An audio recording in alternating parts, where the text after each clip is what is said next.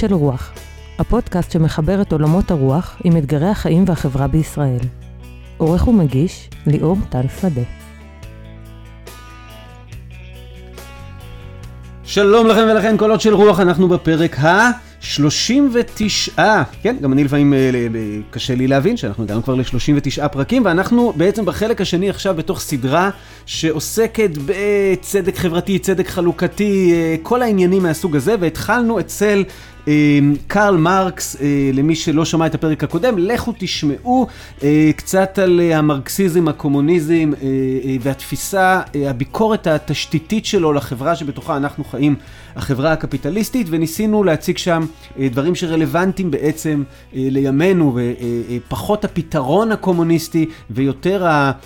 ניתוח החד מאוד שמרקס עושה אה, לחברה שבתוכה אנחנו אה, חיים, עם קצת אה, ביקורת שהבאנו שם. בחלק השני, אנחנו מדלגים לנו למאה ה-20. עכשיו צריך להגיד, אנחנו נעסוק בהוגה מרכזי היום, ששמו ג'ון רולס, שאני משער שמי שמכם מהתחום מכיר אותו היטב, ומי שמכם לא מהתחום, אז לא שמע אולי אפילו אף פעם את השם. למרות שמדובר באחד ההוגים החשובים ביותר במאה ה-20.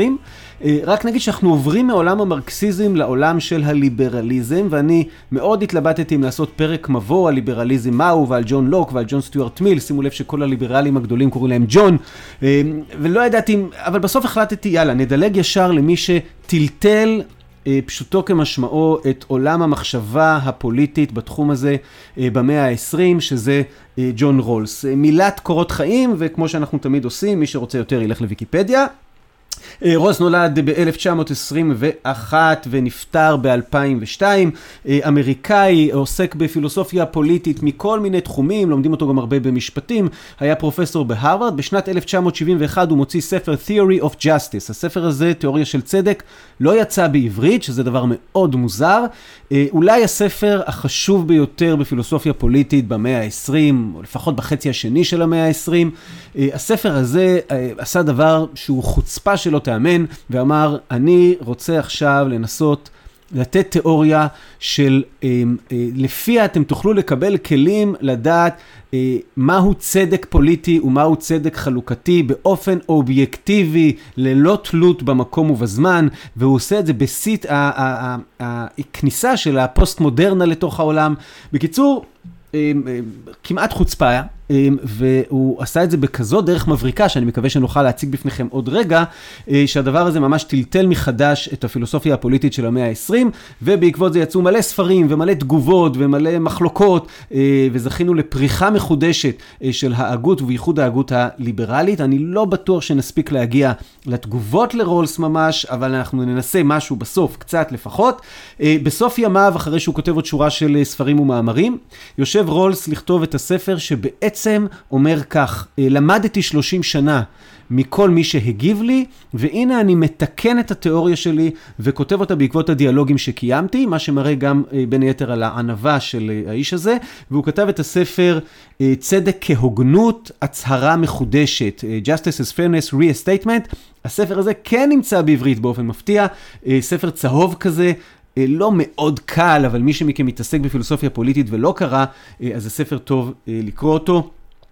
וברגע אחרי שהוא כותב את הספר הזה, הוא הולך לעולמו בשנת 2002. אז זה יספיק לנו על ג'ון רולס, ועכשיו נציג אדם לא פחות חשוב ממנו ולא פחות משפיע, שזה האורח שלנו היום בפרק הזה, אביעד הומינר? הומינר. הומינר.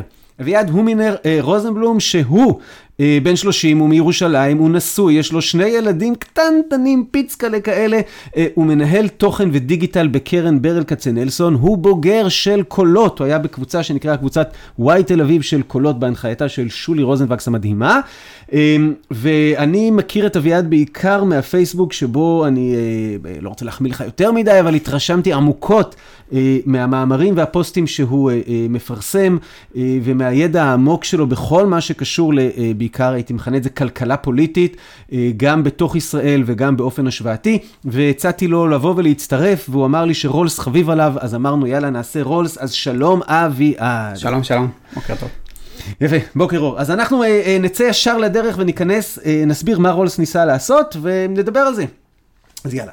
אה, אז רולס מחפש ככה, אני עכשיו אגיד משפט מפוצץ, הוא מחפש את הדרך הצודקת ביותר, שאנשים סבירים שפועלים בצורה רציונלית יוכלו לשתף פעולה בחברה. רק בואו נחשוב שנייה, עוד מעט ננתח את המשפט הזה, אבל רק לחשוב עליו טיפה. בעצם כל מדינה היא סוג של מערכת של שיתוף פעולה בין אנשים. בהגדרה, האנשים האלה שונים אחד מהשני, ואנחנו פה בישראל מכירים את זה חזק מאוד. אפשר לחלק אותם לקבוצות ולשבטים, אבל אז יהיה, יסביר לנו רק דבר מסוים. נגיד, בנושא מסוים הם מחולקים בדרך אחת, בנושא אחר הם יהיו מחולקים בדרך אחרת. יש מה שמכונה בחברה אה, פלורליזם סביר, זאת אומרת איזה מגוון מסוים אה, של דעות. אומר רוס, בעצם מה, ש... מה זו מדינה? מדינה מחפשת את הדרך הצודקת ביותר שהאנשים האלה יוכלו לשתף פעולה. הוא משתמש במילים אנשים סבירים ואנשים רציונליים. אנשים סבירים זה אנשים שמבינים שצריך לשתף פעולה. הם יקבלו תנאים הוגנים לשיתוף פעולה ויבינו שהם צריכים לכבד אותם, גם אם זה לא התנאים האידיאליים שלהם, כי אנחנו צריכים לחיות פה ביחד. אדם סביר לא אומר, אני מצפה לקבל 100% ממה שאני חושב, ושאתה יהיה לך 0% ממה שאתה חושב, לפחות לא בחברה דמוקרטית. אותו אדם סביר, אבל מצד שני, הוא איש רציונלי, זאת אומרת, הוא ינסה כל הזמן לקדם את התועלת של עצמו. וכשאתה מנסה לקדם את התועלת של עצמך, אתה לא תמיד פועל באופן סביר. מה קורה? איך אנשים סבירים ורציונליים ישתפו ביחד פעולה באופן צודק? נראה לי שמה שמעניין כאן, ושם אותו באמת במקום הליברלי, זה שהמטרה שהוא מנסה להגיע אליה היא לא בשמיים. זאת אומרת, הוא לא מנסה להגיד כאן החברה המושלמת, אפילו לא החברה הטובה, הוא לא מנסה להגיד שזה חברה עם מידות טובות, אנשים, לשתף פעולה בצורה, ב, לשתף כן. פעולה בחברה. הוא יורד מהעץ של מרקס עלה עליו, ולכן כן. הוא מאוד לא מרקסיסט, כן? נכון. ואומר, יאללה, בואו נבדוק. ו, וחלק ממה שהפך אותו ליברלי, הוא גם יחפש איך משתפים פעולה, אבל בשיתוף פעולה חשוב לו מאוד מאוד הפרט. כן, זה לא, אנחנו לא נקריב את הפרט לשיתוף פעולה, לכן זה אנשים סבירים ורציונליים, הם רוצים לקדם את טובת עצמם, וטוב שכך. כן, אנחנו בתפיסה שמאוד מכבדת את, ה, את הפרט. וגם אני אגיד שזה עוד הרבה אחרי זה, אבל אה, רק במילה, שכבר כאן אפשר לראות את הניצנים של הביקורת שתובע עליו, שאוהבים היום מאוד להגיד, בעיקר על המילה רציונלי. האם, אה. אם אנחנו באמת אה, בני אדם רציונליים שמחליטים דברים לפי החלטות כן. חשיבה אנליטית והם מגיעים אליה, אפשר לדבר על זה. יש כבר כמה פרסי נובל על זה שאנחנו לא, נכון? שכאילו אנחנו... של כמה ישראלים. כן. אוקיי, יפה. אה, אה, מה עוד אנחנו צריכים להגיד כמבוא כדי אה, להציג את הדבר הגדול ש, שרולס עשה?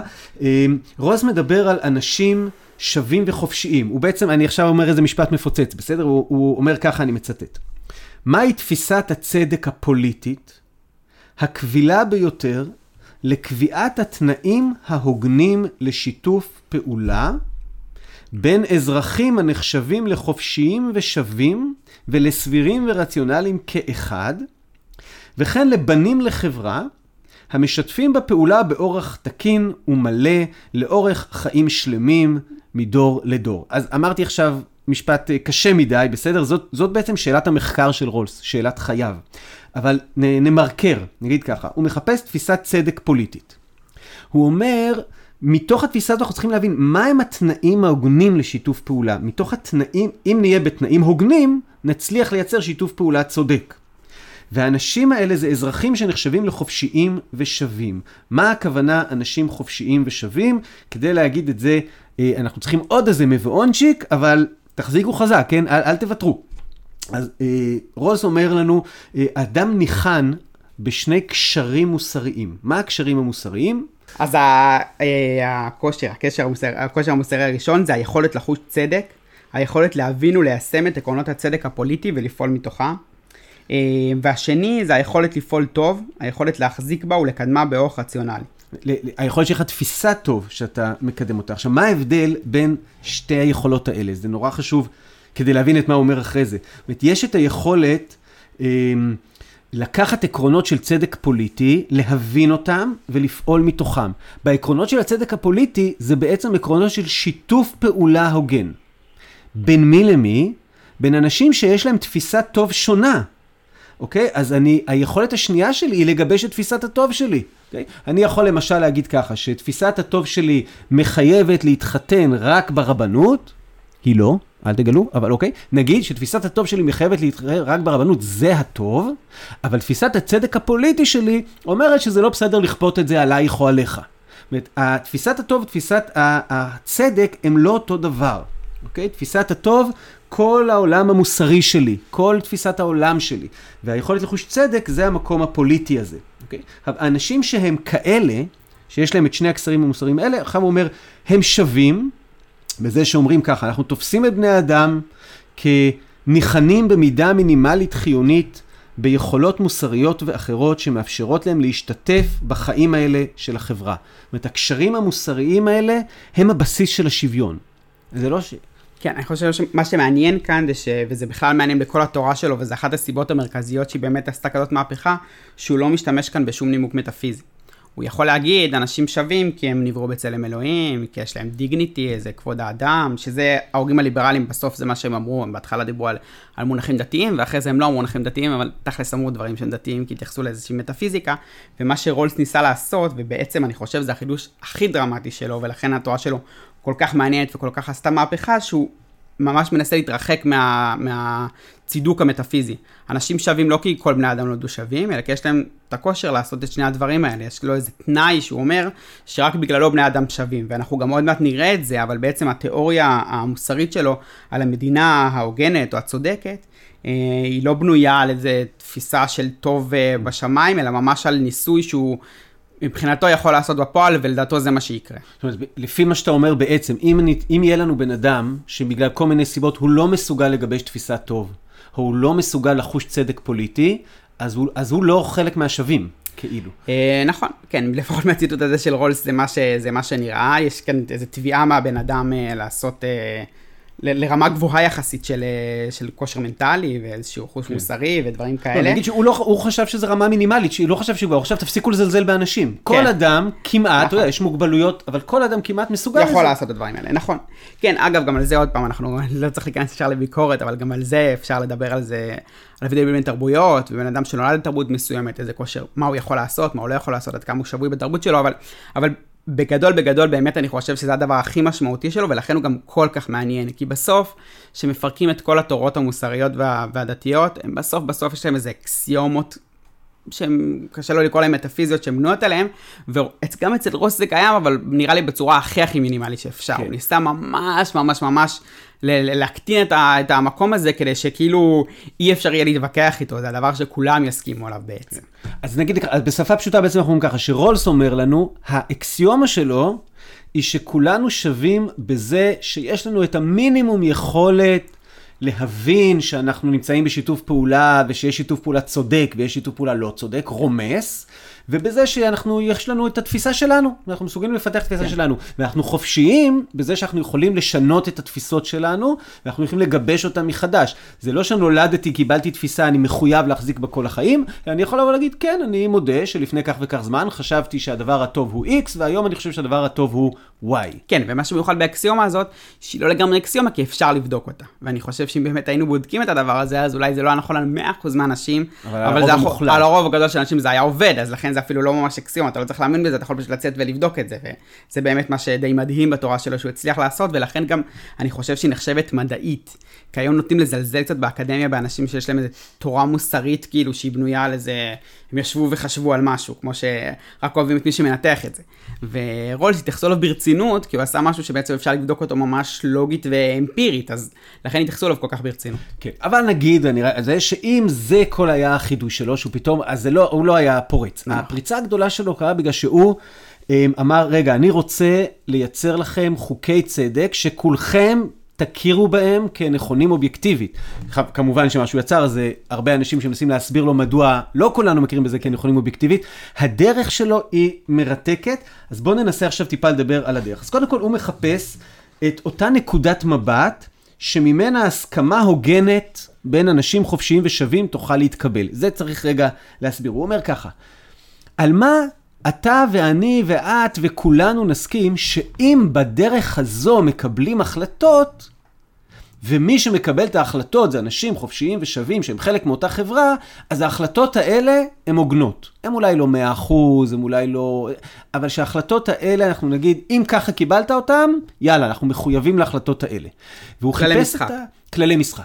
עכשיו, זאת בעצם הוא מחפש פרוצדורה, הוא לא שואל מה הדבר ההוגן, אלא הוא שואל מאיזה נקודת מבט אם, אם נדבר משם, כולנו נסכים שזה הוגן. נכון? נגיד, ניקח דוגמה, אה, אם כולנו היינו יכולים, היינו אה, אה, חושבים שיש אלוהים והיינו גם יכולים לדבר איתו, ואלוהים היה אומר לנו x, y, z, אז כולנו היינו מסכימים, בגלל שאלוהים אמר זה הוגן.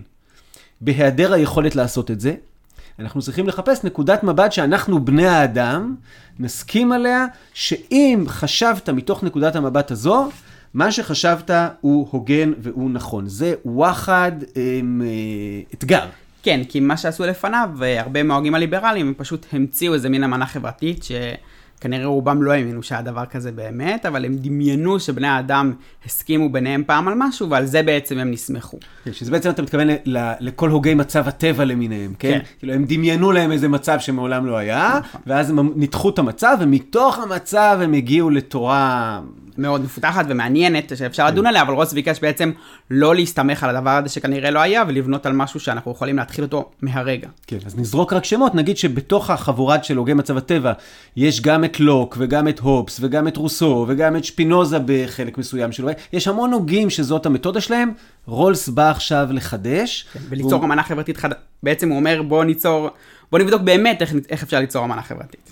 אוקיי, עכשיו כדי, אנחנו עכשיו קצת במתח, בגלל שעוד רגע חיינו השתנו, כי אנחנו נשמע מהי הדרך האובייקטיבית לייצר את האמנה החברתית, אבל כדי להגיע לזה נתחיל בחידה. אז עכשיו כולם אה, אה, נא להתרכז. אה, אם אתם בנהיגה, תעצרו בצד, אתם צריכים את כל הכוחות שלכם עכשיו להתרכז בדבר הזה. החידה היא כזאת, היא נורא פשוטה. אה, יש לנו חבורה של ילדים בתוך חדר, ובמרכז החדר יש עוגה. שזה אגב מדויק המצב שהיה לי אתמול בערב, כי חגגנו יום הולדת לבנים שלי. אוקיי? אז יש לנו אה, עוגה באמצע ויש חבורה של ילדים ויש סכין. עכשיו, אסור לנו להגיד לילדים כיצד לחתוך את העוגה במובן של תחתוך לזה 20 סנטימטר ולזה 20 סנטימטר, כי זה כבר לא פרוצדורה, זה לתת את התשובה ממש. זה כמו ההבדל בין אה, הפרוצדורה אומרת שלכל מצביע יש קול אחד, ושהוא מצביע הצבעה אנונימית, והתוכן אומר שצריך להצביע ל... אה, כל אחד עכשיו ישים את המפלגה שלו, כן? אה, אז, אז פה אנחנו מחפשים פרוצדורה. עכשיו הוא שואל ככה, מהי הפרוצדורה שאם ניתן אותה לילדים והם יחלקו לפיה את העוגה, מקובל על כולנו שזו תהיה חלוקה הוגנת. עכשיו נא לחשוב, מה הפרוצדורה שאנחנו יכולים להגיד לילדים, הנה בואו בוא ניקח דוגמה לפרוצדורה. פרוצדורה יכולה להיות להגיד לילדים, תקשיבו, תעשו הצבעה, תבחרו מנהיג, ומי שייבחר יחלק את העוגה. זה פרוצדורה שאנחנו מכירים אותה מאיפשהו, אבל אנחנו גם יודעים שהיא בכלל לא מבטיחה לנו חלוקה הוגנת. כי למשל יכול להיות ששלושה ילדים, יש נגיד שבעה ילדים בחדר. השלושה ילדים יעשו דיל עם ילד רביעי, יחליטו לו, אנחנו בוחרים אותך, ואתה מחלק את כל העוגה לארבעתנו, וכל השלושה האחרים לא יקבלו.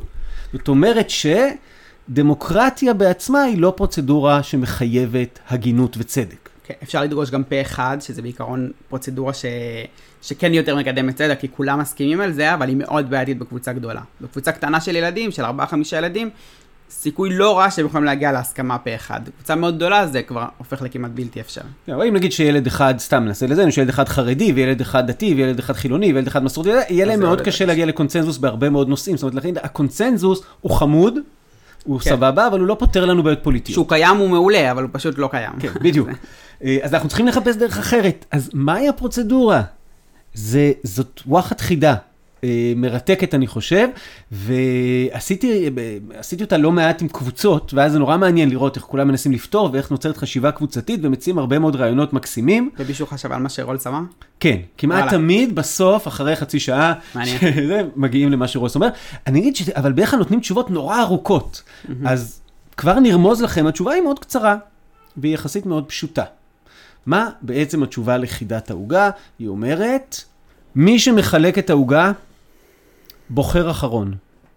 זהו, תמה הפרוצדורה.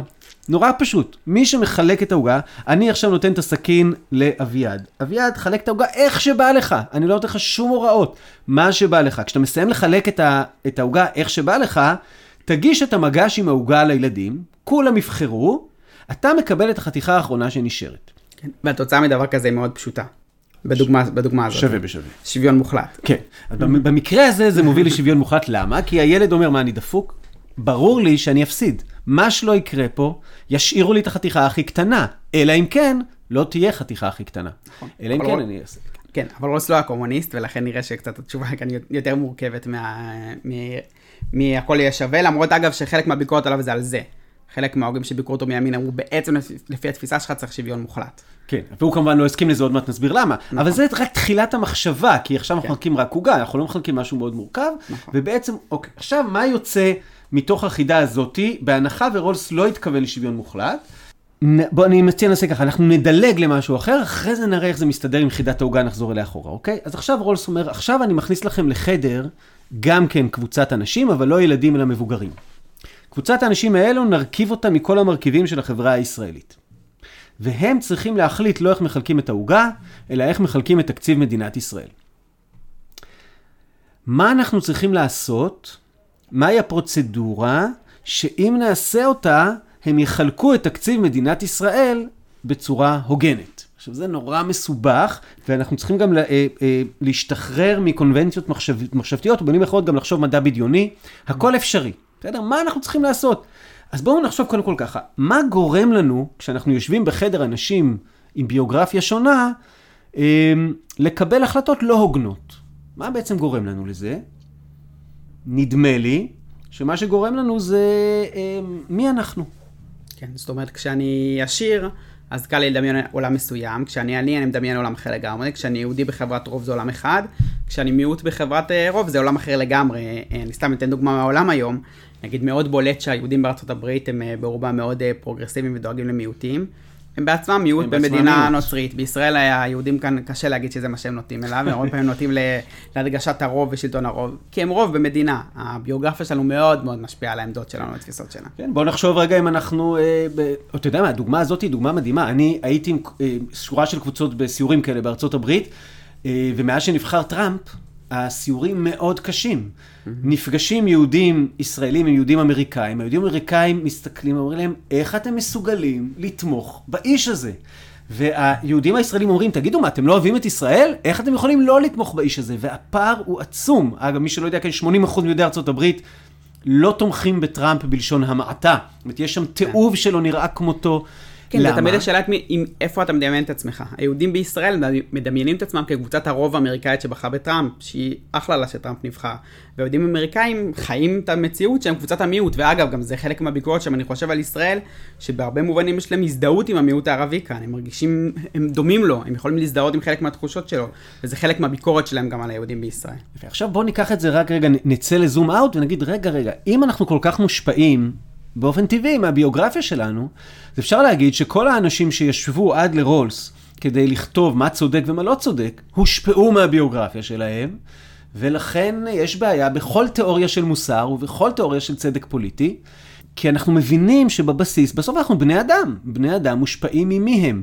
ולכן הדרך היחידה לקבל החלטות שיהיו הוגנות, זה לנטרל את הדבר הזה. כן. וזאת צריך להגיד שאיפה של ליברליזם מאז ומתמיד. כן, ליברליזם תמיד מנסה להציג את עצמו כאיזה משהו באמת שכולם אמורים להסכים איתו, שהוא לא תלוי ביוגרפיה, עמדות קדומות, או איזה מין משהו כוללני כזה, שכל בני אדם צריכים להיכנס לסד שלו ולהסכים איתו, וזו גם אחת הבעיות המרכזיות שבו, שאני חושב, הרבה מהביקורת עליו היא גם מהמקום הזה. אבל רולס באמת זיקק את זה, אני חושב, למקום שזה הכי משכנע. זאת אומרת, הרבה הוגים לפניו התיימרו לעשות את זה, והם משכנעים יותר או פחות, רולס, גם עליו יש ביקורת על זה, אבל הוא יחסית הכי משכנע, צריך להתאמץ כדי להתווכח איתו על זה. אז בואו בוא נתאמץ, נתאמץ קודם להציג את עמדתו ואז להתווכח. כן. אז רולס אומר לנו ככה, אנחנו צריכים לנטרל את הגורם הבעייתי ביותר. עכשיו הגורם הבעייתי ביותר הוא שחבורת האנשים יש להם ביוגרפיה. אז עכשיו בואו רגע, מדע בדיוני, תדמיינו את הדבר הבא. אנחנו לוקחים את אותה חבורת אנשים שמייצגת את החברה הישראלית ומכניסים אותם לחדר, אלא מה? שכל אחד ברגע שנכנס לחדר קורא קסם, והוא שוכח מי הוא. והוא שוכח את הביוגרפיה של עצמו. והוא לא יודע שום דבר לגבי הזהות של עצמו, אותו אדם שנכנס לחדר, הוא רק יודע לדבר אה, אה, דברים שהם לא, זאת אומרת, הוא, הוא שומר על uh, המידע שלו לגבי העולם, ואם לא אפשר ללמד אותו, uh, הוא שומר על uh, uh, uh, העובדה שהוא בן אדם, הוא ש... אבל הוא לא יודע שום דבר לגבי עצמו. הוא נכנס מאחורי veil of ignorance, מסך של בערות, הוא נמצא במצב המקורי, original position, זה פשוט המונחים של רוס, אוקיי? הוא נכנס לחדר הזה, הוא לא יודע מי הוא. כן, במיוחד נראה לי קל לתאר את זה אם נגיד הוא לא יודע מה העתיד שלו, מה יקרה אחרי שהם יעשו את החלוקה הזאת. כן, זאת אומרת, אנחנו, אומרת- אתה לא יודע כשתצא מהחדר מי תהיה. בדיוק, יכול להיות שאתה יודע מי אתה עכשיו, אתה יכול להתחלף עם מישהו אחר מהחדר ברגע שתצא מכאן. כן, אה, אה, דבורקין שכותב על זה, אה, תיאר את זה בתור, הוא אמר, תדמיינו שלוקחים גלולה, ובגלולה הזאתי אני חולה במחלת השכחה לזמן מה, אוקיי? אבל כשאני אצא מהחדר, תוקף הגלולה יפוג, הקסם מפסיק, ואז אני צריך לגלות מי אני. אולי אני אם חד-הורית שגר בנתיבות, אולי אני אה, אדם מאוד עשיר שגר ב... אחר כך הוא כל סטריאוטיפ שאתם רוצים, אבל כאילו אני מגלה פתאום מי אני. כן, צריך להגיד שעצם הדבר הזה הוא באמת מאוד מערער ושם שם אותנו במצב אה, בעייתי וקשה לנו, כי זה באמת, המחשבה הזאת שאנחנו, שאנחנו נתחלף בעצם ונהיה איזה מישהו אחר שיכול להיות כל בן אדם בעולם בכל פוזיציה שהיא, מאוד, יכולה מאוד להלחיץ, והיא באמת אה, שם אותנו במצב תודעתי ממש אחר מהמצב הרגיל שלנו, מאיזשהו ביטחון שיש לנו בעולם שלנו. אגב, לא משנה מי אנחנו, גם אם אנחנו במצב יחסית גרוע, יש לנו איזשהו, אנחנו יודעים לפחות מי אנחנו ואיפה אנחנו נמצאים, וזה מערער משהו ואת כל התפיסות שלנו ואת כל הדברים שאנחנו בעצם דרכם רואים את העולם. זאת אומרת, זה מכניס אותנו, זה באמת, זה חוסר ביטחון בלתי נתפס ממש, כן, אני, אני לא יודע מי אני, זה מלחיץ ברמות אחרות. אבל אומר רולס ככה, חכו רגע, אני יודע שזה מדע בדיוני, אבל האם אתם זורמים איתי שאם אני אצליח לעשות את הדבר הזה, ותיכנס חבורת אנשים שמייצגת את החברה, תשכח מי היא, תשב בחדר ולא תצא ממנו עד שהיא מקבלת החלטות לגבי העקרונות שלפיהם אה, התקציב הזה יחולק, או עכשיו זה לא חייב להיות רק תקציב, אוקיי? אה, האופנים שבהם נשתף פעולה בחברה שלנו. אנחנו נכתוב חוקה שם בחדר. האם אתם מסכימים איתי שאם אני מצליח לעשות את הדבר הזה, החוקה הזאת, החוקים האלה, העקרונות האלה, הם יהיו הצודקים ביותר שאפשר להעלות על הדעת, ההוגנים ביותר שאפשר לדבר עליהם. עכשיו, קשה להתווכח עם הדבר הזה. כמובן שיש כאלה שעשו את זה, אבל הוא אומר, אם באמת אתה מצליח לעשות את הדבר הזה, ועכשיו אנחנו נקבל החלטה מנקודת מבט כל כך אובייקטיבית, אז לכאורה ניצור באמת את ה... נכון? זה, כן, זה... הוא זיקק את הליברליזם בעצם, את המצב הזה שכאילו אני מפשיט את הבן אדם מכל הזהויות שלו, מהכל, מכל הביוגרפיה שלו, מכל הדברים, ואני שם אותו במצב הטהור ביותר.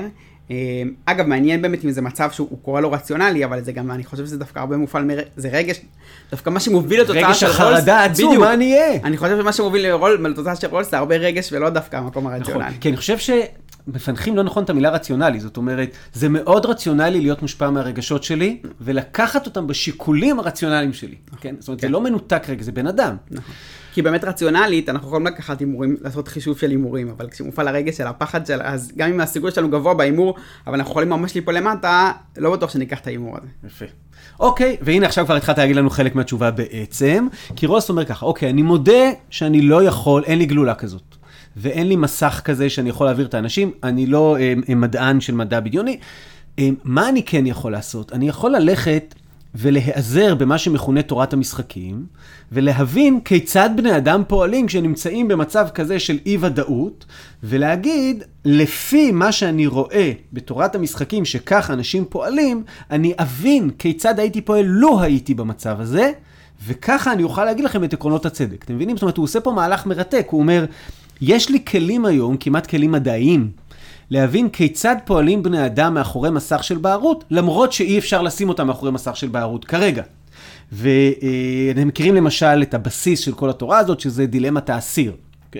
בדילמת האסיר אנחנו מגלים כיצד פועל אסיר בשעה שהוא נתון במצב של אי ודאות עמוק, ויש לפניו כמה אלטרנטיבות. ומה שקורה זה שבמצבים כאלה אנשים מודרכים על ידי כלל שקוראים לו כלל המקסימין. רגע, אני אגיד ככה, מה זה מצבים כאלה? המצב הוא שיש אי ודאות, כאשר אני יכול להבטיח לעצמי, יש לי אלטרנטיבה, שבה, שאם אני אלך עליה, אז גם אם נפלתי חזק מאוד, וואלה, המצב בסדר. זאת אומרת, יש לנו מספיק משאבים. כדי להבטיח לכולם. זאת אומרת, אם יש לנו רק חתיכת עוגה אחת ואנחנו חמישה אנשים, אי אפשר לחלק אותה, אז, אז בהגדרה ארבעה מאיתנו יישארו בלי עוגה. אבל המצב הוא שיש לנו איזו עוגה שלמה שבסיטואציה אפשר לחלק אותה בצורה שכולנו נסתד- נסתדר לפחות. נהדר. וגם, אה, אנחנו מבינים שיש גם איפשהו אלטרנטיבות שאם אני אפול אליהם, חבל על הזמן, אוקיי? כי אחרת, אם, אם בכל האלטרנטיבות מצבי בסדר, אז אנחנו לא באותה שיחה. כן. אפשר להחליט שאף אחד לא מקבל, שאתה לא מקבל שום חתיכת עוגה, זה אופציה. בדיוק. יש אופציה שאני פשוט מת ברעב. אוקיי, אז עכשיו ככה, אם גם יש אי ודאות וגם הרמה שניתן להבטיח, זאת אומרת, יש, היא סבירה, אה, וגם יש שם אפשרויות ממש גרועות, שזה בדיוק המצב מאחורי מסך של בערות. נכון? יכול להיות שאם אנחנו עכשיו נחליט, שלא יודע, שהעניים הם עבדים של העשירים, ויכול להיות שעכשיו ירימו את המסך, ואני, אה, כן, נגיד, החליטו שהשחורים הם עבדים, מה שלא יעלה על הדעת ולא היה בהיסטוריה, אבל, ואני בסוף שחור, זאת אומרת, יש אי ודאות קשה, ועכשיו אנחנו צריכים לייצר את האלטרנטיבות. אז במצב הזה, אומר רולס, אנשים ינהגו בגדול לפי כלל המקסימין, כלל של מקסימום מהמינימום. בואו אני אצטט רגע את, את הכלל. כלל זה מורה לנו לזהות מהי התוצאה הגרועה ביותר של כל אחת מן החלופות הקיימות. זאת אומרת, יש לי מלא אפשרויות מה לכתוב בחוקה הזאת, יש לי מלא אפשרויות לעקרונות, יש לי מלא אפשרויות לחוקים, יש לי מלא אפשרויות לאיך לחלק את התקציב, יש לי מלא אפשרויות... אז אני מסתכל, אוקיי, בואו נראה את כל החלופות, נזהה מהי התוצאה הגרועה ביותר של כל אחת מהחלופות הקיימות, ואז מה נעשה? אנחנו נאמץ את החלופה שהתוצאה הגרועה ביותר שלה טובה יותר מהתוצאות הגרועות ביותר של שאר החלופות. אנחנו לא נלך למה הכי טוב, אנחנו נלך, בואו נסביר את זה רגע. כן, בדוגמה נראה לי זה כן. יעזור. בעצם אה, לקחת, רולס לקח, הוא דיבר על אה, אה, חמישה סוגים של מדינות, מקפיטליסטית ביותר עד מרקסיסטית ביותר. מרקסיסטית ביותר, כן? ובעצם אלה סוגי החלופות שקיימות בעולם לאיך מתנהלת מדינה. אז בכל חלופה כזאת יש את המצב של מי במצב הכי טוב, את כל אלה שבאמצע ומי במצב הכי גרוע. אז בעצם זה לדמיין לעצמנו, אם נניח שאנחנו מחליטים על מדינה ליברטריאנית שכמעט אין ממשלה, אז אנחנו נדמיין איך נראה בה הבן אדם העשיר יותר, איך נראה הבן אדם הממוצע, ואיך נראה הבן אדם העני ביותר. כשאני יודע שאני לא יודע מי אני, זאת אומרת, יכול אני להיות שאני העני באחד ביותר. מהתפקידים האלה ואין לי מושג. וניקח מדינה מרקסיסטית, נדמיין אותו דבר, ועל כל הטווח שבאמצע. יפה. זאת אומרת, אם נגיד את זה, יכול להיות שעכשיו כשירימו את המסך אני הומלס. Okay? זה יכול להיות, אני לא יודע מי אני. Okay?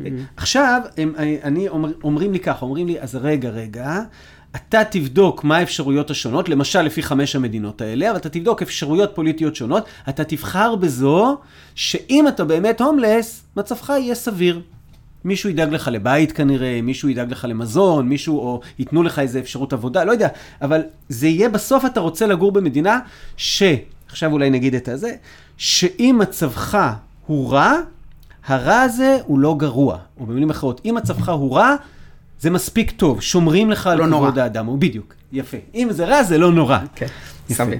למה לפי רולס, אנשים לא יגידו מאחורי מסך של בערות, אוקיי, השוויון מוחלט, פתרנו את כל הבעיות, אה, בוא נעשה, אה, המדינה מלאימה את כל הקניין ומחלקת אותו שווה בשווה. למה הוא לא יגיד את זה? אה, נדמה לי שרולס אומר, אני מדמיין את החברה שבה אני, אה, את כל האפשרויות של מה אני יכול לקרות, ולא כדאי לי שוויון מוחלט. אני לא רוצה שהרופא ירוויח אותו דבר כמו הם, אה, אה, הנגר, כי אני זקוק לזה שאנשים ירצו מוטיבציה גבוהה להיות רופאים. הוא מבין שאנשים מופעלים גם על ידי תמריצים חומריים, ולכן אה, אם החברה הזאת תהיה חברה של שוויון לא כדאי. כאילו, אני לא ארצה בזה, גם אם אני מדמיין את עצמי כהומלס, אני רוצה שמישהו יוכל לטפל בי. כן, כאן זה באמת חשוב להגיד שהמסך הבערות הזה הוא לא ממש בערות כמו שאנחנו מדמיינים, כי אני כן בא עם ידע, אני מבין איך בני אדם עובדים, זה לא שאני משליך את כל הידע שלי, מה שאני, אני עוד לא יודע דבר אחד פשוט. מי אני? מי אני, כן, זה דבר אחד שאני לא יודע את כל השאר, אני דווקא צריך לדעת מאוד כדי לה- להגיע לדברים של רוסן, צריך להיות מאוד מתוחכם ולהבין הרבה דברים על הטבע האנושי, אבל אז באמת אני, בגלל, אני לא אגיע לשוויון מוחלט, כי אני יודע שחברה שבה יש שוויון מוחלט היא פשוט לא חברה טובה. אוקיי. מהסיבה שאמרת ומהרבה סיבות אחרות היא חברה מאוד מאוד בעייתית. כן. ולמה אני כן אגיע? אז אני חושב, הוא, הוא בגדול שני דברים, עוד מעט נגיד את הציטוט, אבל בגדול שני דברים. אחד, אני אגיד, רגע, רגע, חבר'ה, אני קודם כל מבקש, בחברה ההיא, שאני לא יודע מי אני, ויכול להיות שאני מיעוט קטן, ויכול להיות שיש לי אורחו, אה, אמונות שנורא לא מקובלות, קודם כל אני רוצה שיאפשרו לי לחיות כמו שאני. שלא יפריעו לי. הדבר השני שאני ארצה, זה שהפערים האלה בתוך החברה, ואני לא רוצה שוויון מוחלט, אני רוצה פערים, יהיו באמת פערים שמשרתים גם אותי, גם אם אני למטה, והם לא יהיו פערים של אה, פי אה, מיליון, אלא הם יהיו פערים כאלה ש... ש... הם עוזרים לי, הפערים האלה מסייעים לי בחיים ולא דופקים לי את הצורה. הם פערים כאלה שאני יכול לטפס גם בתוך הסולם הזה של... נראה לי שבגדול, אלו שני העקרונות הגדולים בשפה פשוטה. כן, זה, זה פועל, ובאמת הכלל השני זה מה שאמרת, זה פועל לטובתי, כי חברה שיש בה פערים מסוימים היא חברה יותר טובה, כי זה מתמרץ אנשים נניח לעבוד יותר קשה ולהגיע לעבודות טובות, וזה יוצר, אה, יוצר, יוצר דברים של חברה טובה. אז לכן זה פועל בעצם לטובתי, גם לטובת העני ביותר. יפה. אז בואו נצטט את שני עקרונות הצדק שרולס אומר שכולנו היינו מגיעים אליהם, לו היינו מאחורי מסך של בערות. אה, זה נמצא בעמוד 128 בספר הצהוב של צדק כהוגנות למי שממש מחזיק כרגע את הספר ורוצה לראות, והוא אומר ככה. לא בנהיגה. כן, תודה, נכון, וגם לא בכושר, לא במצבים ששומעים פודקאסט כנראה, כן, שטיפת כלים. לכל אדם, אותה זכות בלתי ניתנת לערעור, לתבוע לעצמו סכמה נאותה לחלוטין של חירויות יסוד שוות, התואמת אותה סכמת חירויות שממנה נהנים כולם. זה הכלל הראשון, שאם נגיד אותו בעברית פשוטה, יש פה סל של חופש, של זכויות, כולנו מקבלים אותו דבר, אנחנו יכולים לתבוע לעצמנו את הזכויות, פשוט לחיות כמו שבא לנו, כל עוד מה שבא לנו לא רומס את היכולת של הזולת לחיות כמו שבא לו. Okay? אוקיי? מקסימום חופש לכל אדם בעצם. הכלל השני הסבוך יותר, פערים חברתיים וכלכליים צריכים לעמוד בשני תנאים. ראשית, עליהם להתייחס לתפקידים ולמשרות הפתוחים בפני כולם בתנאים של שוויון הזדמנויות הוגן. זאת אומרת, א', הפערים צריכים להיות בתנאי של שוויון הזדמנויות הוגן, שאנחנו צריכים להסביר מהו. ב', עליהם להביא לרווחה מרבית של בני החברה הנחשלים ביותר. זאת אומרת, למרות שהם הנחשלים ביותר, הפער הזה משרת גם אותם, הוא מביא לרווחה שלהם. אנחנו צריכים עכשיו להסביר את זה כי זה לא קל. אז קודם כל, העיקרון של החירות הוא מאוד מובן. הוא העיקרון הראשון, הוא העיקרון הליברלי הגדול. כן, הוא דומה לעקרונות שכל הליברלים דיברו עליהם בתכלס. כאילו, הוא ניסח את זה מאוד יפה ופילוסופי ולוגי, הוא, כל מילה שלו היא במקום, אבל בגדול, יש לנו לשמור על החירות עד כמה שניתן, כל עוד זה לא פוגע בחירותו של האחר. זה כן. בסוף הכלל. כן, והכלל הזה, אה, צריך להגיד, כבר מעמיד אה, למי שקיבל הרגע את, ה, את המתודה של רולס, ואומר, וואלה, באמת, מאחורי מסך של בערות, אנחנו נקבל את ההחלטות הכי הוגנות, אז תחשבו על כל מקום שבו אתם חושבים שצריך לכפות בחוק משהו על הזולת, ואז תחשבו אם זה עומד בכלל הזה של רולס. אני חושב שרולס פה אומר לנו, בכל המחלוקות בחברה הישראלית, הוא אומר, תעשו כל מה שאתם יכולים כדי שכל אחד יוכל לחיות על פי דרכו, בין אם הוא חרדי, בין אם הוא אה, אה, דתי, בין אם הוא חילוני, בין אם הוא מסורתי, בין אם הוא ערבי, בין אם הוא אה, פלסטיני, בין אם הוא... תעשו מה שאתם יכולים כדי שיהיה לו את החירות לחיות על פי תפיסת עולמו. זה, זה מעניין. כן, אבל הסייג שלו כאן הוא מאפשר להכניס הרבה דברים בדלת האחורית. כן, זאת אומרת... שהסייג שכל עוד יש לכולם אותו דבר. כן, וכל זה לא פוגע באמת בחירות של מישהו אחר, שזו שאלה מאוד, מתחיל, נכנס כאן לשאלות מאוד גדולות ומורכבות, שזה לא באמת ה... זה נראה מאוד לא, כאילו מובן מאליו מה עושים עם זה, קצת יותר מורכב. נכון, זאת אומרת, נגיד בוויכוח הישראלי, אה, לגבי, למשל, לאפשר לחרדי לחיות על פי תפיסת עולמו, למרות שהיא נוגדת עמוקות, אה, אני אומר לאפשר לחרדי כי הם המיעוט, בסדר? את, אה, את תפיסת עולם של הרוב, אבל האם הלאפשר הזה כולל לממן אותו? ובזה לפגוע בזכויות הקניין של, ה, של הרוב, זאת שאלה מרתקת. האם זה כולל הענקת ביטחון מבלי אה, שותפות שווה בביטחון, זאת שאלה מרתקת. צריך לבחון אותה מאחורי מסך של בערות, את השאלות האלה. Okay, אוקיי? למי, למי הייתם נותנים פטור מגיוס לצבא מאחורי מסך של בערות? עכשיו, אל תענו מיד את דעתכם הנוכחית. לכו רגע, כנסו מאחורי מסך של בערות, למי היינו נותנים פטור שם? זאת שאלה מרתקת. אוקיי, בוא נגיד מילה על שוויון הזדמנויות הוגן. שוויון הזדמנויות הוגן, אני מקריא קטע קצר, ואז בוא תסביר לנו עליו טיפה. שוויון הזדמנויות הוגן מחייב לא רק שתפקידים ציבוריים ומשרות חברתיות יהיו פתוחים במובן הפורמלי, אלא שלכולם יהיה סיכוי הוגן להשיגם. זאת אומרת, מי שהם בעלי אותה רמה של כישרון ויכולת, ואותה מידה של נכונות להשתמש בתשורות האלו, צריכים ליהנות מאותם סיכויי הצלחה. אנחנו צריכים בעצם בשוויון הזדמנויות הוגן, לנטרל את הדברים שמשפיעים על כל אחד מאיתנו, אה, על מה הסיכוי שלו להצליח, שזה בעיקר, אומר רולס, מעמד ומוצא חברתי, כישרונות מולדים והזדמנויות שיש לפתחם, ומזל. הוא אומר, אלו גורמים מקריים. אנחנו צריכים שהחברה תנטרל את המקריות ותאפשר שלכל אדם יהיה סיכוי הוגן, אחד יצליח והשני לא, אבל יהיה להם סיכוי הוגן להצליח. כן, והוא מוסיף כאן סייג חשוב, שוויון הזדמנויות במובן הפורמלי והרגיל שלו זה שכל משרה פתוחה לכולם, זה קיים אני חושב בכל מדינה מערבית לכמעט כל המשרות. לא יודע, בישראל יש משרות שרק יהודים נגיד או גברים יכולים להגיע אליהם, אבל רוב מוחלט של המשרות, כל אזרח ישראלי יכול להתמודד אליהם, ובמובן הזה קיים שוויון הזדמנויות, אבל כולם יודעים, ואגב זה די מוסכמה על פוליטיקאים גם מימין וגם משמאל, שנגיד שוויון הזדמנויות קשור גם לחינוך. כמעט מוסכמה ישראלית כמעט מוחלטת, שאנחנו נשקיע בחינוך בפריפריה, כדי שגם לאזרחים מהפריפריה, לילדים שם, תהיה להם אפשרות להגיע למשרות ברמה גבוהה. אבל אני חושב שרולס אומר כאן דבר אפילו יותר, יותר מזה, שאני חושב שהוא מאוד משמעותי. יש אה, גרף שנקרא גרף אה, גצבי הגדול. זה גרף על שם אה, סרט, ספר וסרט אמריקאי מפורסמים, שהוא בעצם מראה את הקשר בין שוויון בתוצאות לשוויון הזדמנויות. הרבה פעמים אנחנו מנתקים בין השניים, זאת אומרת, אה, נגיד פוליטיקאים שהם לא סוציאליסטים יגידו, אני לא בעד שוויון בתוצאות, כל אחד יכול להגיע לאן שהוא רוצה, ולכן אי שוויון לא מעניין אותי בכלל, אני רק בעד שוויון הזדמנויות. אבל יש קשר בין השניים שאי אפשר להתעלם ממנו, זאת אומרת, חברה שיש בה שוויון הזדמנויות, אי שוויון נרחב, שרולס מזכיר אותו כאן, על ריכוז יתר של... אי שוויון בתוצאות. בתוצאות, כן, כן בהכנסה של אנשים ובהון שלהם, היא חברה שגם לא יהיה בשוויון הזדמנויות. אה, משתי סיבות עיקריות, קודם כל פשוט להורים יהיה הרבה יותר כסף ומשאבים להשקיע בילדים שלהם, לעומת ילדים במקומות אחרים, בפערים כאלה שאי אפשר אה, לכפר עליהם. והדבר השני, פשוט שאפשר לתאר את זה כמו סולם.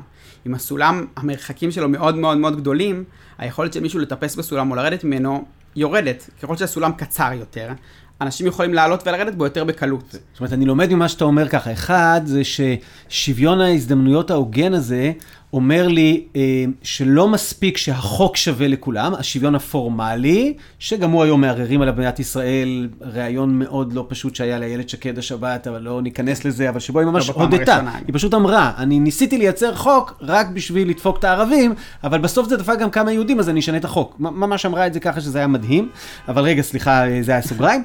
אז שוויון הוא לא מספיק שהוא יהיה פורמלי, אבל כי שוויון פורמלי מייצר אי שוויון עמוק, אלא, נגיד גם ככה, אם הפערים בחברה הם דרמטיים, אין סיכוי לשוויון הזדמנויות הוגן. לכן מה שיוצא מזה זה שלא להיות, לא יכולים להיות פערים דרמטיים בחברה. נכון. ומה צריכים להיות הפערים? עכשיו נתחיל להתווכח. פעם היה הצעת חוק אה, אה, בכנסת שהעובד אה, הזוטר ביותר והבכיר ביותר בארגון ציבורי, הפער ביניהם לא יוכל להיות מפי 50. נכון. לא זה עבר. אג... זה עבר אבל במוסדות פיננסיים. אם הם רוצים להעלות את המשכורת שלהם, של המנכ"לים הבכירים, הם צריכים להעלות את המשכורת של העובד הזוטר ביותר. יפה. ואגב, עלו משכורות בחלק מהמקומות. כן. עכשיו כאן צריך להגיד משהו ממש מעניין, במילה אני אגיד את זה, שראיתי את פרופסור אה, דן בראון, כן. הוא עשה, הוא עשה את הניסוי של רולס. תמיד חשבתי לעצמי שקראתי את זה, למה רולס לא עשה את הניסוי, אפשר לבדוק את זה לאנשים, אני לא יכול ממש, אני לא יכול להגיד להם שאתם תצאו מהחדר ותהיו משהו אחר, אני יכול להגיד להם, תדמיינו שזה מה שיקרה. אז הוא באמת עשה את הניסוי הזה על, על הרבה קהלים בהרבה מדינות, ו, והתוצאות שלו היו די דומות, אה, הוא, הוא בעצם בדק שלוש שאלות. מה אתם חושבים שהמצב היום במדינה שלכם? מה אתם חושבים שהמצב, ומה המצב היום, הוא בדק, ומה אתם רוצים שהמצב יהיה. יש לזה אגב TED נהדר. נכון, יש... דן אריאלי. אה, דן אריאלי, דן אריאלי. כן. Imagine I took all the people in the US and I sorted them from the poorest on the right to the richest on the left. And then I divided them into five buckets. The poorest 20%, the next 20%, the next, the next, and the richest 20%. And then I asked you to tell me how much wealth do you think is concentrated in each of those buckets? So to make it simpler, imagine I asked you to tell me how much wealth do you think is concentrated in the bottom two buckets, the bottom 40%. Okay, here is what lots of Americans tell us. They think that the bottom 20% have about 2.9% of the wealth, the next group has 6.4, so together it's slightly more than 9. The next group they say has 12%, 20%, and the richest 20% people think have 58% of the wealth. You can see how this relates to what you thought. Now, what's reality? Reality is slightly different. The bottom 20% have 0.1% of the wealth. The next 20% have 0.2% of the wealth. Together it's 0.3. Um, the next group has 3.9, 11.3, and the, la- the richest group has 84, 85% of the wealth. So, what we actually have and what we think we have are very different. What about what we want? How do we even figure this out? So, to look at this, to look at what we really want, we thought about the philosopher John Rawls. If you remember John Rawls, he had this notion of what's a just society. He said that just society is a society that if you knew everything about it, you would be willing to enter it in a random place. And it's a beautiful definition, right? Because if you're wealthy, you might want the wealthy to have more money, the poor to have less. If you're poor, you might want more equality. But if you're going to go into that society in every possible situation and you don't know, you have to consider all the aspects. It's a little bit like blind tasting, in which you don't know what the outcome would be when you make a decision. And Rawls called this the veil of ignorance. So we took the, another group, another large group of Americans, and we asked them the question in veil of ignorance. What is the characteristics of a country that would make you want to join it, knowing that you could end randomly in any place? And here is what we got. What did people want to give to the first group, the bottom 20%? They wanted to give them about 10% of the wealth. The next group, 14% of the wealth, 21, 22, and 32. Now, nobody in our sample wanted full equality, right? Nobody thought that socialism is a fantastic idea in our sample.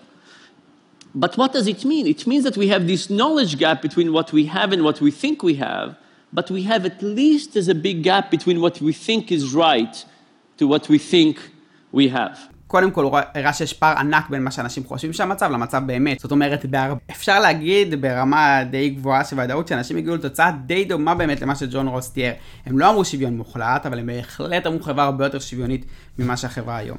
אוקיי, אז בעצם מה שעשינו עד עכשיו זה להבין את המהפכה הגדולה שעשה רוז כשהוא אמר לנו אה, ככה, הנה נתתי לכם מתודה, המתודה היא הכנסת אנשים למצב המקורי מאחורי מסך של בערות, ובמצב הזה אתם תראו מה הם יבחרו, והם יבחרו בעצם בשני עקרונות של צדק, והעיקרון האחד יגיד מקסימום חירות לכל אדם, כל עוד זה לא פוגע בחירותו של הזולת, והעיקרון השני יגיד, אה, הפערים בחברה היו כאלה שמשרתים את כולם, ולכן זה פערים קטנים, ושמאפשרים שוויון הזדמנויות הוגן, ולכן זה פערים קטנים, וזה גם אומר לנו במה אנחנו צריכים להשקיע בחברה. בואו רגע נדבר על uh, מה קורה בשטח היום, uh, איזה מדינות קרובות לרולס, איזה מדינות רחוקות מרולס, uh, וננסה לעשות את זה ממש על רגל אחת. כן. כן, רולס דיבר על, על שתי מדינות שמתאימות לתפיסה שלו, דמוקרטיה של בעלי קניין, או מדינה עם סוציאליזם ליברלי. אלה שתי המדינות שהוא דיבר עליהן שמתאימות לתיאוריה שלו, זאת אומרת, הוא כן אמר יש מנעד מסוים, זה לא שהגדרה, שהגדרות שלי מגיעות למדינה מסוימת. אני חושב שבגדול המדינות של מערב אירופה וסקנדינביה הן המדינות שיושבות על המנעד הזה בגדול. מדינות של מערב אירופה, גרמניה נגיד כדוגמה, היא מדינה שיש בה באמת מדינות של דמוקרטיה עם, של בעלי קניין. זאת אומרת, יש בה רוב ההון שם נמצא בידיים פרטיות, הממשלה שם גדולה, אבל לא מאוד. אבל כן יש רשתות רווחה משמעותיות מאוד, הממשלה מאוד מתערבת שם ועוזרת, רשתות, רשתות ביטחון, זה קיים בצורה מאוד משמעותית במדינות כמו גרמניה כדוגמה. וסקנדינביה, הצד היותר שמאל של זה נקרא לזה, היא כבר הולכת לסוציאליזם ליברלי, זאת אומרת, יש שם כלכלת שוק, זה לא, המדינה לא שולטת שם על הכל, היא בטח ליברלי במובן התרבותי והחברתי, אנשים יכולים לחיות איך שהם רוצים, אבל כן חלק גדול מאוד מהרכוש ואמצעי הייצור נמצאים בידי המדינה, או בידי קרנות פנסיה של העובדים, או בידי איגודי עובדים, זאת אומרת חלק גדול שם מה, מה, מהאמצעי הייצור ומהכסף נמצא באמת בידי החברה. לאו דווקא המדינה אגב, החברה. ונוסיף, מה שאמרת זה הצד הכלכלי של העניין, יש גם את הצד של שמירה על החירויות והיכולת הרב-תרבותית במדינות האלה. נכון, אגב, מה שמעניין בהקשר הזה, שזה היה מוסכמה ב... לא יודע, ב-20 שנה האחרונות זה היה נראה שזה מוסכמה בין ימין לשמאל בגדול הדברים האלה, שהליברליזם התרבותי הזה שבן אדם יכול לחיות איך שהוא רוצה, להתחתן איך שהוא רוצה, להאמין במה שהוא רוצה, לשמוע מה שהוא רוצה, לקרוא מה שהוא רוצה, זה היה די מוסכמה, וזה מתערער בשנים האחרונות בעולם, איכשהו פתאום נראה שלא, שלא מסכימים על, על הסיפור הזה, אבל זה כן, זה בגדול במדינות המערב, בטח מערב אירופה, גם בסקנדינביה.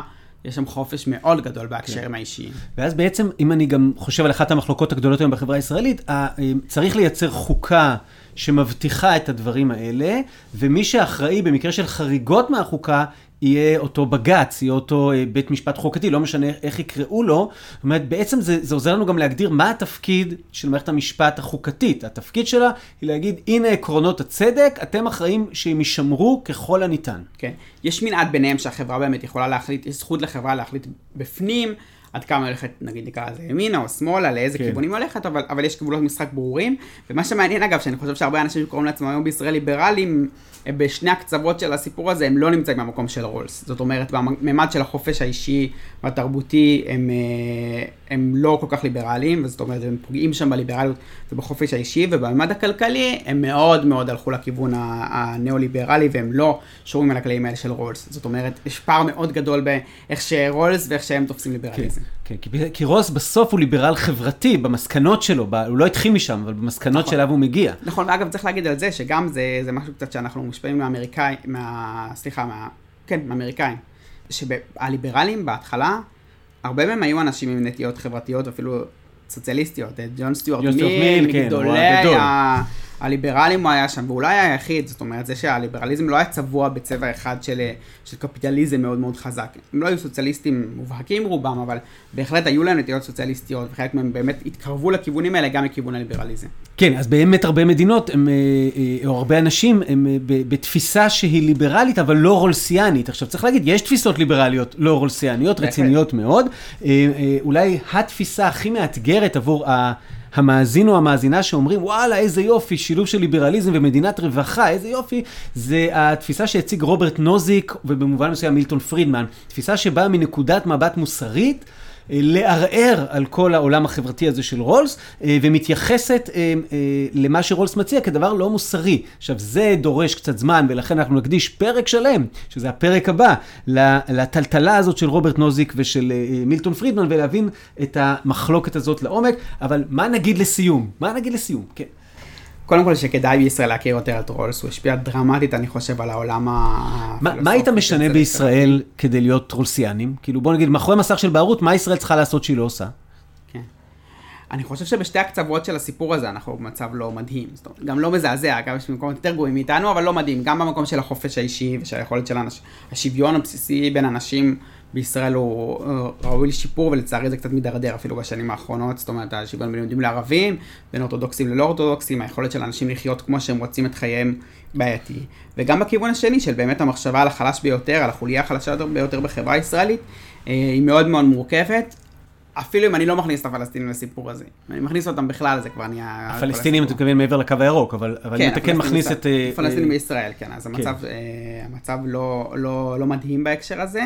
אה, אגב, אני אגיד שאני, אני לא יודע אם זה נהוג כאן בזה, אבל אני ממש ממליץ, אם מישהו רוצה למצות את התפיסה שלו אחרי שהוא קורא את הספר המלא, אז יש את התיאוריות של צדק חברתי של יוסי, יוסי דהן, פרופסור יוסי דהן. מצוין, מצוין, ויש שם גם סקירה מעולה של רולס וגם של החולקים עליו, אה, בעיקר מצד שמאל, אבל של החולקים על אה, רולס, מעולה. ממש כדאי לקרוא את ה... אתם יודעים שהתחלנו להק- להקליט את הפרק, היה לנו פנטזיה שאולי בסוף נספיק לדבר על, על למשל על הקהילתנות, שזו תפיסה מדהימה, או על תפיסת היכולות של מרתה נוסבאום ומרטיה סן, שזו תפיסה מדהימה. זה שם בספר, אני אחשוב אם להוסיף עוד פרק ולעשות את זה. אני גם רוצה שעוד נספיק גם לעשות פרק על התפיסות ה- היהודיות ועל ניסיון לראות האם ביהדות מסתתרת איזושהי אג'נדה חברתית שיכולה להיות נורא מעניינת בין מרקס לבין רולס לבין נוזיק, אבל זה יהיה בהמשך. אביעד, תודה רבה. תודה לך, שמחתי מאוד. תודה. אה, ותודה לכם ולכן שאתם אה, מאזינות ומאזינים. אה, אם אתם רוצים לעזור לפודקאסט, אז אתם לא, אתם יכולים לתרום כמובן מיליון דולר וזה מאוד יעזור, אבל אתם יכולים לעשות גם דבר יותר פשוט, וזה פשוט להפיץ את הפודקאסט, להפיץ את הפרקים. יש גם אתר חדש לקולות שעלה השבוע לאוויר, אז אני אנסה קצת להפיץ את הלינק לפודקאסטים בתוך אתר קולות, וחוץ מזה זה נמצא בכל אפליקציה של פודקאסטים, זה נמצא בגלי צהל, ואתם מוזמנות ומוזמנים להאזין. שוב תודה לאביעד, ונתראה בפרקים הבאים.